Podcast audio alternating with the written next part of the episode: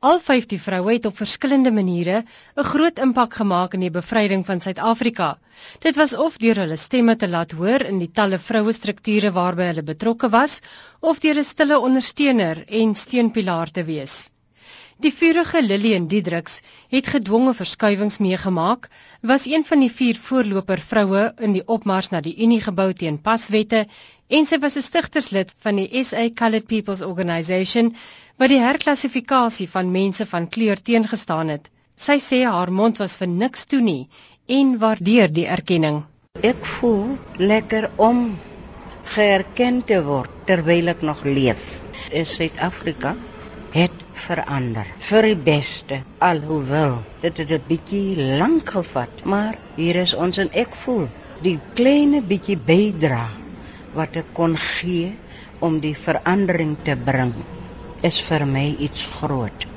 Alhoewel as ek rondom my kyk en ek sien dat die waardering by party mense is nie daar nie. Dit word goedkoop iets en mense het gesterf vir dit.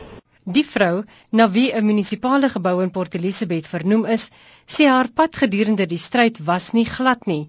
Sy het van jongs af ingespring en dit het bloed sweet gekos om hulle doelstellings te bereik. Maar nou is sy soms teleurgesteld dit is nie 'n gladde pad nie want dit daar is stukke goed wat glad nie soos wat ek gemeen het dit is hoe ek in dit uitsien nie en hoe dat ons Suid-Afrikaners ons moet gedrag nie. Want dit het bloed en sweet gekos. Daai tyd was ek jonk en ek het nie eintlik regtig geweet wat is dit nie. Ek het ingespring, boots en al en eers binne uit gevind, dit is nie so lekker nie. As sy vir eendag president sou kon wees, sou sy seker maak dat kinders die geskiedenis van die vryheidsvegters ken en dit respekteer en dan sou sy ook 'n einde wou maak aan die bakkant mentaliteit. Dit is nie soos ons gemeene moet dit wees nie. Is jy sien die mense kry so geld op geld op geld Dat sê ek sien jy hulle wat nou kom weet nie wat laat dit is nie. Ons moes geloop het.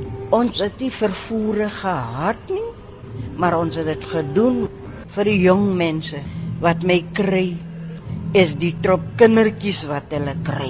Daai kindertjies oor 15 jaar, dan is dit groot mense wat waar gaan werk, waar gaan kos kry. Die kinders van vandag is die ouers sê ek wat laat hulle lekker leef. Hulle leef in 'n tyd van wat die ouers hulle toelaat 'n presbatten lewe en dit is nie die wense nie, maar vandag se ouers, die meerderheid het slap geword. Zodwa Sobukwe was 'n stille ondersteuner van haar man, Mangaliso Robert Sobukwe, wat die stigter van die PAC was. Hulle het mekaar tydens 'n verpleegsterstaking ontmoet. Sy was verteenwoordig deur haar oudste seun Dini. Hy sê sy was altyd 'n steunpilaar vir die gesin en gemeenskap. I suspect more than anything else it, it is persistence and uh, keep doing what you need to do. Don't whine and uh, get up and do. She's a very practical person. She believes you have to get things done that by the end of the day you know you have accomplished something. She's very grateful, family is, and very humbled by, by that recognition. I think she represents a lot of people who um, very quietly did what needed to be done. It's very gratifying for her. Florence Matomela was 'n onderwyseres. As aktivis teen paswette het sy optogte gereël wat gelei het tot haar inhegtenisneming, verbanning en 'n ingeperkte lewe.